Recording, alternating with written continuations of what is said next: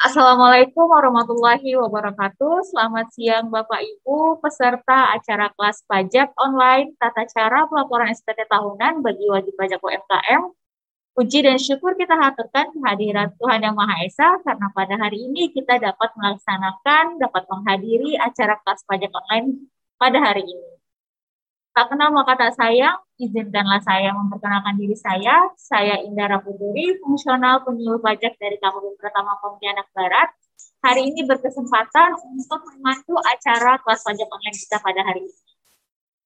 Acara selanjutnya adalah penyampaian materi tentang tata cara pelaporan SPT tahunan bagi wajib pajak UMKM. Dengan narasumber kita Ibu Kristina Nadia dan Ibu Ari Subraheni. Kepada narasumber Ibu Kristina Nadia dan Ibu Ari Subraheni, saya persilahkan. Terima kasih atas kesempatannya Kak Indara. Hari ini saya akan menyampaikan SPT Bapak Ibu ini lagi hujan lebat di tempat kami sehingga apabila suaranya tidak kedengaran tinggal di, tolong diinfokan di kolom chat aja ya. Hari ini saya akan menyampaikan tata cara pelaporan SPT tahunan bagi wajib pajak UMKM. Sebelumnya saya akan menjelaskan, oh ya ini ada Bu Sri Mulyani yang dengan quote dari Bu Sri adalah jangan pernah putus asa mencintai negeri ini. Oke, kita tetap mencintai negeri ini ya Bapak Ibu ya. Untuk untuk warga negara yang telah memenuhi secara objektif dan subjektif diwajibkan untuk ber-NPWP. Secara subjektif di sini adalah memenuhi umur, sudah memiliki KTP, berumur di atas 17 tahun atau di atas 17 tahun, kemudian secara objektif memiliki penghasilan yang bisa nanti untuk dihitung pajaknya. Setelah memiliki NPWP, Bapak Ibu wajib untuk menghitung pajaknya sendiri dengan menggunakan sistem self assessment. Kapan kita mendaftarkan sebagai wajib pajak? Itu apabila sudah memenuhi secara objektif dan subjektif. Secara objektif itu adalah apabila sudah memiliki penghasilan. Secara subjektif apabila sudah cukup umur. Biasanya yang sudah memiliki KTP atau berumur di atas 17 tahun. Nah, setelah kita memiliki NPWP, apa yang dilakukan selanjutnya? Yang dilakukan selanjutnya adalah menghitung pajaknya sesuai dengan usahanya. Jadi setiap wajib pajak sudah bisa disebut wajib pajak ya karena sudah memiliki NPWP, memiliki usaha, memiliki penghasilan, sudah bekerja itu begitu sendiri padanya. Nah, untuk tata cara nilai perhitungannya itu ada aturannya tersendiri. Tapi karena kita sudah menggunakan sistem online, maka dari itu eh, kebanyakan bisa dihitung otomatis oleh sistem, oleh kok. Jadi Bapak Ibu tidak terlalu khawatir sebenarnya setelah kita hitung, kita setorkan pajaknya. Setor pajak sekarang bisa melalui bank, kantor pos, mesin ATM, SMS banking, internet banking, atau mesin edisi. Di KPP Pratama Pontianak Barat, kami menyediakan mesin edisi untuk pembayaran pajak. Mesin edisi itu adalah mesin untuk menggesek kartu ATM. Jadi ketika Bapak Ibu ingin membayar pajak, lebih dekat ke kantor pajak, silakan nanti bawa kartu ATM-nya, nanti kita gesek lewat kartu ATM. Nah, apa, tapi apabila Bapak Ibu seperti hujan sekarang ya, mau keluar juga susah, Bapak Ibu bisa melakukan secara online. Online itu bisa lewat Tokopedia juga, bisa lewat internet banking, kemudian untuk mandiri online, dia bisa langsung juga untuk melakukan pembayaran pajak PPN maupun PPH. Setelah kita setor, kita hitung, kita laporkan Lapor merupakan kewajiban dari setiap warga negara yang memiliki NPWP. Jenis laporan yang dilakukan yang menjadi kewajiban itu tergantung dari jenis usahanya. Apabila Bapak Ibu termasuk dalam pengusaha kena pajak, itu wajib lapor PPN setiap bulan. Apabila Bapak Ibu memiliki karyawan, itu wajib uh, dan memotong pajak karyawan, ada pajak yang dipotong, itu juga wajib lapor setiap bulan ke pasal 21. Namun, namun apabila Bapak Ibu tidak melakukan kedua hal tersebut, tidak termasuk kriteria kedua hal tersebut, secara umum semua yang ber wajib melaporkan SPT-nya setiap tahun.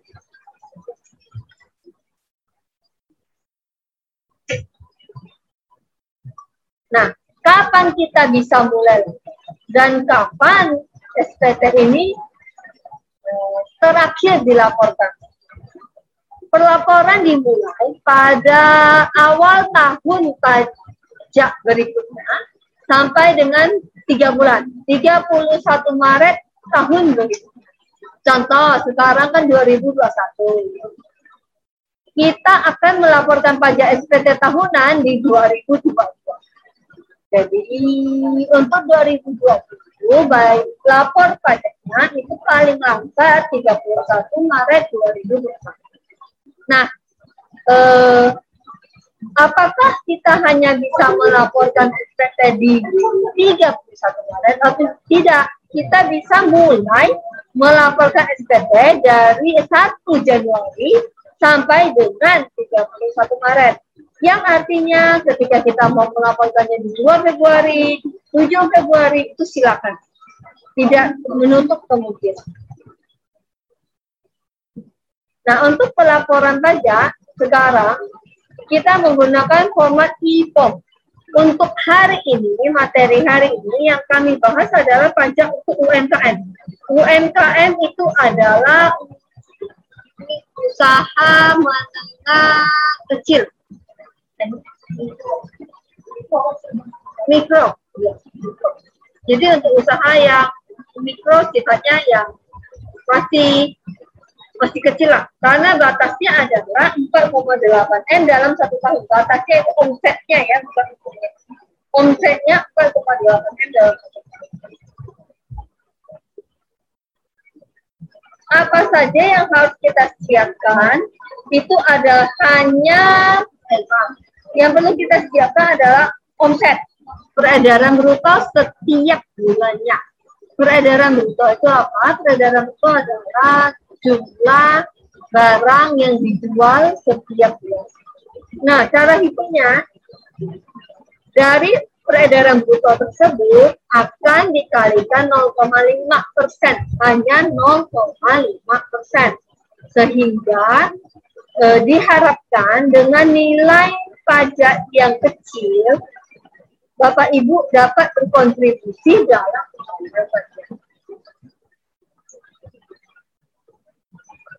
Kemudian kita juga perlu menyiapkan daftar hutang, daftar harta. Itu apabila Bapak Ibu memiliki tanah atau bangunan, misalnya Bapak Ibu mau perbaiki SPT tahun 2018 Kemudian di tahun 2018 karena Bapak Ibu tidak pernah melaporkan untuk untuk misalnya tanah atau bangunannya, maka Bapak Ibu melaporkannya di SPT tahun 2018. Ketika Bapak Ibu sudah melaporkan, ya sudah. Nanti tahun depan dilaporkan lagi jika belum dijual. Namun apabila sudah dijual itu sudah dimasukkan ke dalam SPT tahunan uh, paling hanya ditulis jika Bapak Ibu masih ada ditulis saja atau memberi keterangan dijual itu ya. Nah untuk harta harta itu yang berupa uang tunai itu berubah-ubah. Kalau nilai perolehan adalah nilai kapan kita memilikinya. Kalau untuk harta nilai tunai seperti tabungan, uang tunai itu akan berubah-ubah setiap tahunnya karena nilainya dilihat dari sampai dengan 31 Desember akhir tahun. Nah untuk hutang kita tinggal masukin aja kodenya, nama pemerintahan, alamatnya di mana, kapan tahun hutangnya, dan nilai hutang akhir tahun. Jadi nilai hutang itu harusnya setiap tahunnya berubah. Karena kan sudah dibayar, sehingga harusnya otomatis berubah. Nah, di kolom yang bawah itu kita memerlukan nick dan nama dan anggota keluarga wajib pajak. Pendaftaran akun DJP online itu pertama kali kita memerlukan yang namanya PIN. Kemudian setelah mendapatkan EPIN dari dari KPT, harus dilakukan registrasi akun akun DJP online. Nanti akan dijelaskan Bapak Ibu bagaimana caranya mendapatkan EPIN dan registrasi akun. Atau juga Bapak Ibu bisa login di www.pajak.go.id apabila sudah memiliki NPWP. Oke, ini nanti akan dijelaskan oleh Kak Ari untuk proses login dan unduh info. Saya silakan ke Kak Ari, silakan Kak Ari. Terima kasih Kak Kristi. Perkenalkan, nama saya Ari Nugrahenin, fungsional asisten penyuluh pajak di KPP Pratama Pontianak Barat. Pada kesempatan kali ini, saya akan menyampaikan tentang tata cara pelaporan SPT tahunan untuk usahawan melalui e-form. Selanjutnya, Mbak. Langkah pertama adalah Bapak Ibu uh, membuka web bisa dicari di Google atau di Mozilla atau di Chrome. Silakan masukkan lamannya www.pajak.go.id. Kemudian uh, akan muncul tampilan seperti ini. Nah, di sebelah kanan atas ada menu login. Silakan Bapak Ibu semua klik login. Setelah diklik login, maka akan muncul tampilan seperti ini. Silakan Bapak Ibu isikan yang atas itu NPWP, yang bawah adalah password dari DJP online apabila sudah pernah lapor sebelumnya. Yang ketiga, yang paling bawah itu adalah kode keamanan, kode verifikasi kemudian klik login. Tapi apabila Bapak Ibu belum pernah melaporkan SPT tahunan sebelumnya, silakan ke menu Anda belum terdaftar, daftar di sini. Nah, di sana nanti Bapak Ibu silakan memasukkan uh, untuk uh, dan email untuk registrasi ke DJP online-nya. Selanjutnya, setelah berhasil login, maka tampilannya akan seperti ini ya Bapak Ibu jadi ada pilihan menunya informasi, dashboard, profil, bayar, lapor, dan layanan. Nah, untuk melaporkan SPT tahunannya, nanti uh, silakan pilih menu lapor.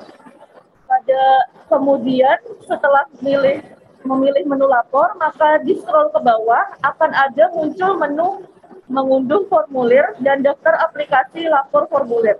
Nah, nanti untuk uh, Bapak Ibu yang bekerja sebagai usahawan, silakan diklik untuk menu info PDF. Selanjutnya, setelah diklik info, maka akan muncul uh, menu arsip SPT. Untuk memulai pengisian e-form, silakan klik buat SPT. Setelah diklik buat SPT, maka akan muncul tampilan seperti yang di bawah ini Bapak Ibu ya. Kemudian akan muncul pertanyaan apakah Anda menjalankan usaha atau pekerjaan bebas? Nah, di pertanyaan inilah Bapak Ibu silakan klik ya. Maka setelah diklik ya, menu info SPT tahunan orang pribadi formulir 1770 akan otomatis muncul dan silakan untuk diklik untuk menu berikutnya. Selanjutnya, Mbak, setelah diklik uh, menu info, akan muncul tampilan seperti ini yang pertama adalah tahun pajak. Silakan dipilih tahun pajak yang akan dilaporkan. Misal ini kan tahun 2021, maka yang bisa dilaporkan adalah untuk tahun 2020. Sila, uh, untuk status SPT-nya silakan diklik normal apabila di tahun tersebut baru pertama kali lapor dan apabila sudah pernah lapor sebelumnya silakan diklik pembetulan. Kemudian uh, yang ketiga adalah media pengiriman token. Silakan dipilih tokennya mau dikirim ke email atau ke nomor handphone yang sudah didaftarkan di DJP online. Setelah selesai, silakan diklik kirim permintaan. Berikutnya, setelah diklik uh, kirim permintaan, maka akan ada notifikasi seperti ini. Jadi ada uh, sukses unduh formulir dan kirim token telah berhasil. Nah, di sinilah file e-form PDF telah berhasil diunduh. Jadi silakan dicek di tempat download Bapak Ibu semua. Nanti ada file e-form yang berformat PDF yang sudah kita download. Selain itu, kode verifikasi tadi kan ada mengirimkan token ya Bapak Ibu. Nah, token ini akan dikirimkan apabila tadi yang dipilih ke email, maka akan dikirimkan ke email. Nah, inilah contoh tampilan apabila kode tokennya dikirimkan ke email selanjutnya. Nah, uh, ketika dibuka email dari e-fillingnya akan tertera 6 digit kode verifikasi. Yang tengah ini ya Bapak Ibu. Uh, nah kode verifikasi ini nanti silakan dicatat karena di akhir pelaporan nanti akan di input untuk sebelum submit SPT tahunannya. Selanjutnya Nah, ini apabila uh, Bapak Ibu belum belum pernah memiliki aplikasi Adobe PDF Reader-nya. Nah, ini caranya adalah ke menu tadi kan yang pertama ada menu arsip SPT buat SPT. Nah, di menu ketiga ini ada menu unduh Adobe PDF Reader. Silakan diklik ke menu unduh Adobe PDF Reader, kemudian di, uh, akan muncul tampilan seperti ini silakan diklik logo yang ada gambar merah ini silakan diklik untuk ke laman berikutnya. Selanjutnya, Mbak. Nah, ketika sudah diklik, maka akan muncul uh, laman yang kurang lebih seperti ini. Jadi yang pertama, silakan Bapak Ibu pilih uh, operating sistemnya sesuai dengan komputer Bapak Ibu misal ini ada uh, operating sistemnya Windows 10, silakan dipilih dipilih Windows 10. Uh, eh, yang kedua ini bahasa. Nah, bahasanya silakan dipilih Bapak Ibu uh, akan menggunakan bahasa apa di aplikasinya. Kemudian yang ketiga adalah pilih uh, reader DC-nya, pilih aplikasi yang akan di-download. Kemudian tulisan download Adobe Reader-nya ini akan otomatis muncul. Silakan diklik download Acrobat Reader selanjutnya setelah berhasil mendownload aplikasinya, maka akan muncul seperti ini Bapak Ibu ya. Uh, namanya reader DC underscore N, kurang lebih seperti ini. Nah, silakan ini diinstal dulu di komputer Bapak Ibu dengan cara uh, double klik pada aplikasinya. Kemudian, selanjutnya, nah uh, ketika di double klik dia tampilannya akan seperti ini ya Bapak Ibu. Silakan ditunggu sampai uh, semuanya 100% dan uh, statusnya berhasil hingga muncul kata finish di bawah ini. Nanti apabila sudah selesai silakan diklik finish. Selanjutnya, selanjutnya kita akan memasuki tata cara untuk pengisian formulir uh, e-form SPT tahunan 1770 untuk usahawan selanjutnya. Nah, ini adalah salah satu uh, file yang tadi terdownload otomatis setelah uh, meminta SPT tahunannya. Ini silakan, ini kan ter, uh, namanya terdiri dari NPWP, masa, dan tahun yang akan dilaporkan. Pada men, uh, pada file ini silakan diklik kanan, kemudian dipilih Open with, uh, kemudian pilih Adobe Acrobat Reader. Nah, Bapak Ibu semua di sini uh, untuk membuka tidak boleh mengklik dua kali karena ketika diklik dua kali ini tidak langsung uh, membuka pada aplikasi Adobe Acrobat Reader. Jadi untuk membukanya harus dengan klik kanan kemudian open with dengan Adobe Acrobat Reader. Selanjutnya, ketika sudah berhasil membuka formulirnya, maka tampilan pertama yang dimunculkan adalah seperti ini Bapak Ibu. Jadi di atas ini ada uh, eh, NPWP, nama wajib pajak ini otomatis terdownload, uh, otomatis terisi dari aplikasinya.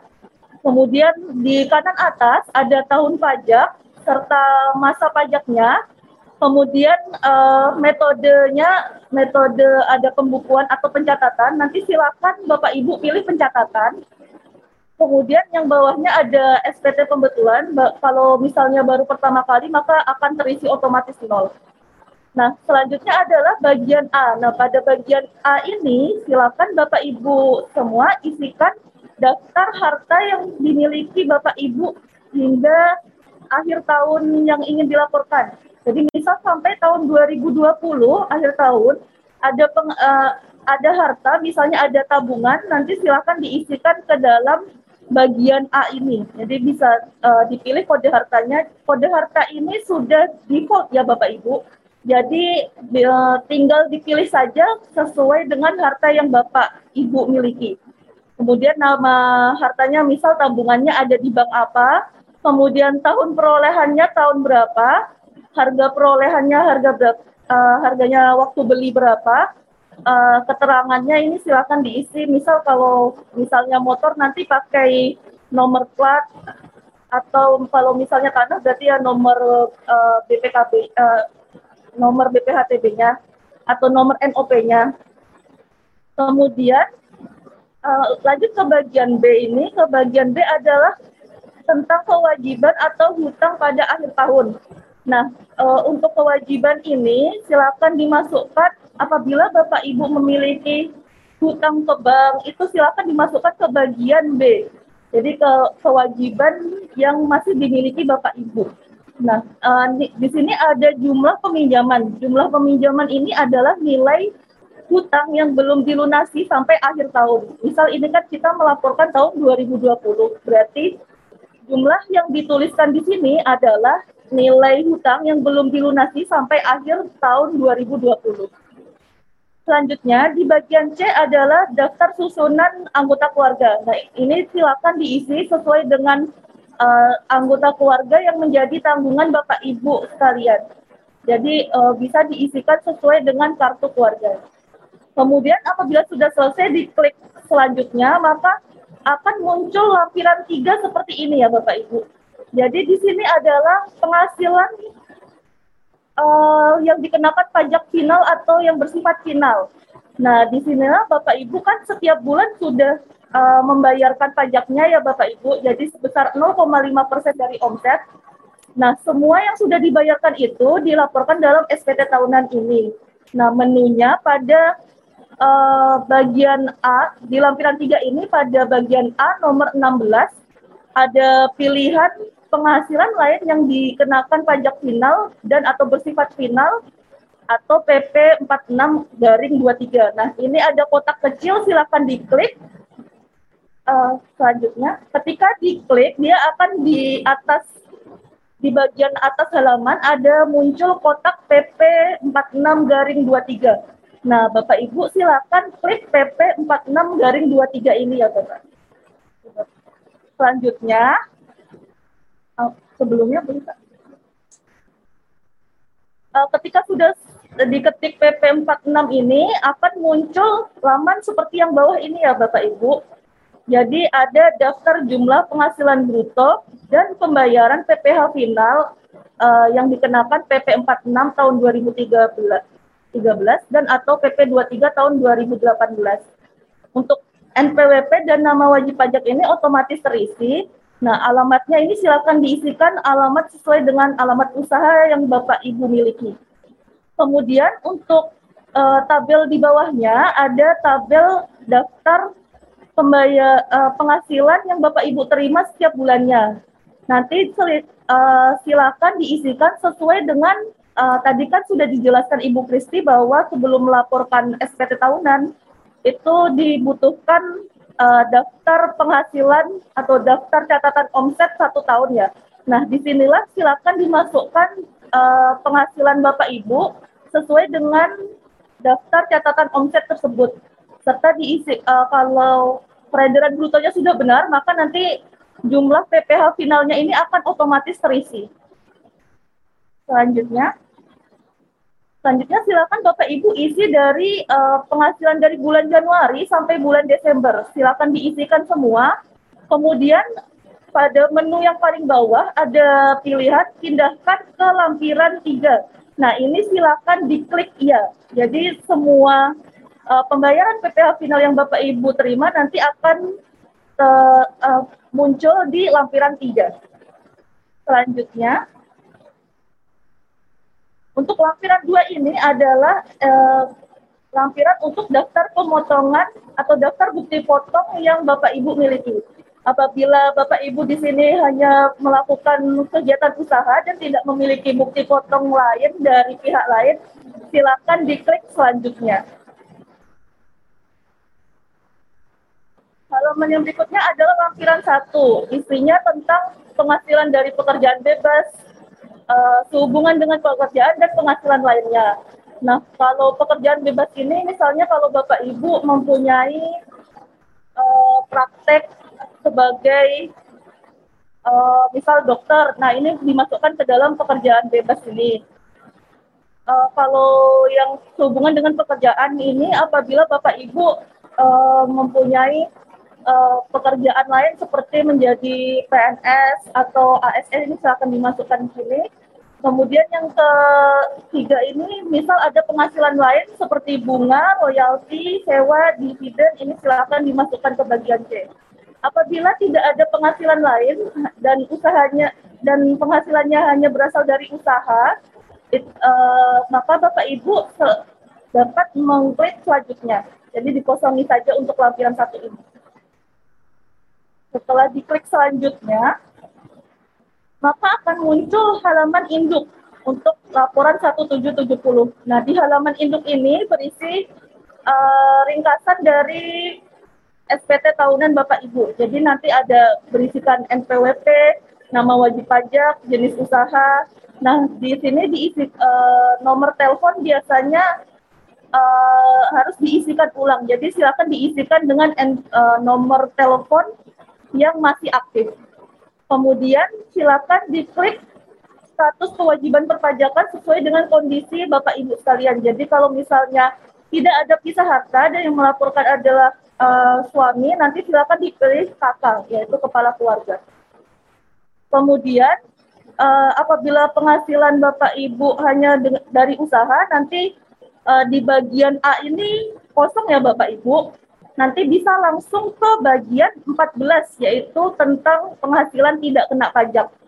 Nah, di penghasilan tidak kena pajak ini ada tiga jenis, ada TK, K, dan KI. Nah, kalau TK ini apabila Bapak Ibu belum menikah dan tidak ada tanggungan, silakan dipilih TK atau tidak kawin. Tapi apabila Bapak Ibu sudah uh, menikah dan memiliki tanggungan, silakan diisi dipilih yang K.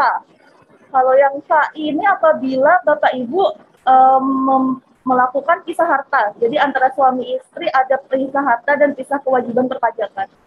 Yang selanjutnya ini nomor 11 silakan diisi tanggungan anak yang ditanggung Bapak Ibu. Jadi misalnya sudah menikah dan memiliki dua orang anak berarti pada kolom 14 kolom hmm, 10 dan 11 maka diisinya K2. Apabila sudah sesuai maka bisa ke di scroll ke bawah selanjutnya Mbak. Pada halaman induk ini nanti langsung ke bawah ada uh, kolom yang merah ini berarti wajib diisi. Nah, kalau yang merah ini silakan diisikan tanggal pelaporan. Misal kalau tanggal hari ini adalah tanggal 17 September, berarti diisikan tanggal 17 September 2021. Setelah semua sudah diisi dan tidak ada kolom yang merah lagi, silakan klik submit. Nah, tombol submit ini ada di sebelah kanan atas ya Bapak Ibu. Setelah diklik ya, di bagian kanan atas ini ada klik uh, ada tombol submit. Apabila sudah selesai, silakan diklik submit. Halaman berikutnya adalah unggah lampiran. Nah, uh, Bapak Ibu sebelumnya kan sudah membuat daftar omset selama satu tahun. Nah, daftar omset inilah nanti yang di uh, di-upload pada unggah lampiran ini yang paling atas. Jadi yang paling atas ini wajib di-upload ya Bapak Ibu. Setelah uh, sudah mengupload lampirannya, silakan ke bagian bawah yaitu mengisikan kode verifikasinya.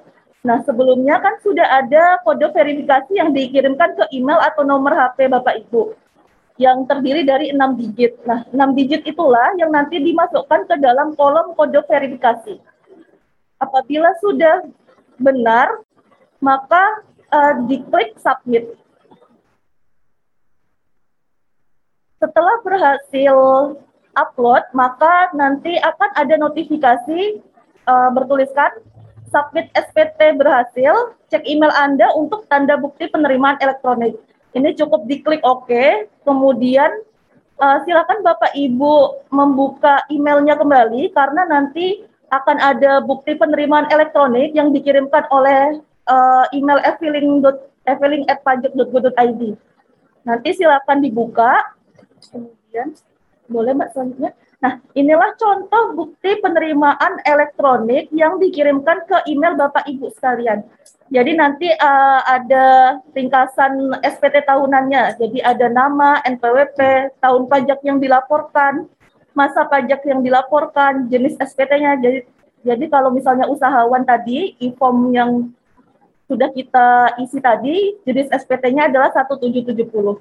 Kemudian pembetulan keberapa, kemudian status SPT, dan tanggal penyampaian SPT tahunannya. Selanjutnya, ya, uh, tadi kan disampaikan sebelum melakukan pelaporan harus login dulu. Nah, uh, bagaimana kalau belum pernah uh, belum pernah registrasi, kan dibutuhkan uh, Evin untuk melakukan registrasinya ya Bapak Ibu. Nah, apabila Bapak Ibu belum memiliki EVIN atau melupa, uh, lupa EVIN-nya, bisa menyampaikan kepada uh, menyampaikan permohonannya kepada KPP Pratama Pontianak Barat melalui email di kpp.701@pajak.go.id atau melalui uh, chat WhatsApp di 0856 5720 6452 dan 0821 5785 2421. Nah, untuk persyaratan EVIN-nya silakan dilengkapi. Seperti yang pertama adalah formulir permohonan aktivasi EVIN, kedua akta pendirian terbaru.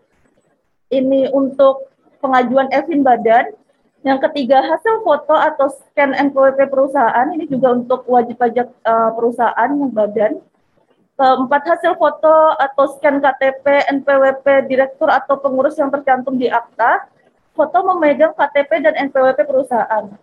Kalau untuk uh, Evin usaha Evin orang pribadi, misal Bapak Ibu ingin mengajukan Evin, syaratnya berarti uh, foto KTP, foto NPWP, dan foto Bapak Ibu sedang memegang KTP dan NPWP-nya. Selanjutnya, cukup sekian materi dari saya. Selanjutnya akan saya kembalikan kepada Kak Indara Puturi. Baik, terima kasih Mbak Ari dan Mbak Kristi atas materinya, materi yang cukup detail ya terkait gimana sih cara kita melakukan pelaporan SPT tahunan secara online untuk wajib pajak UMKM.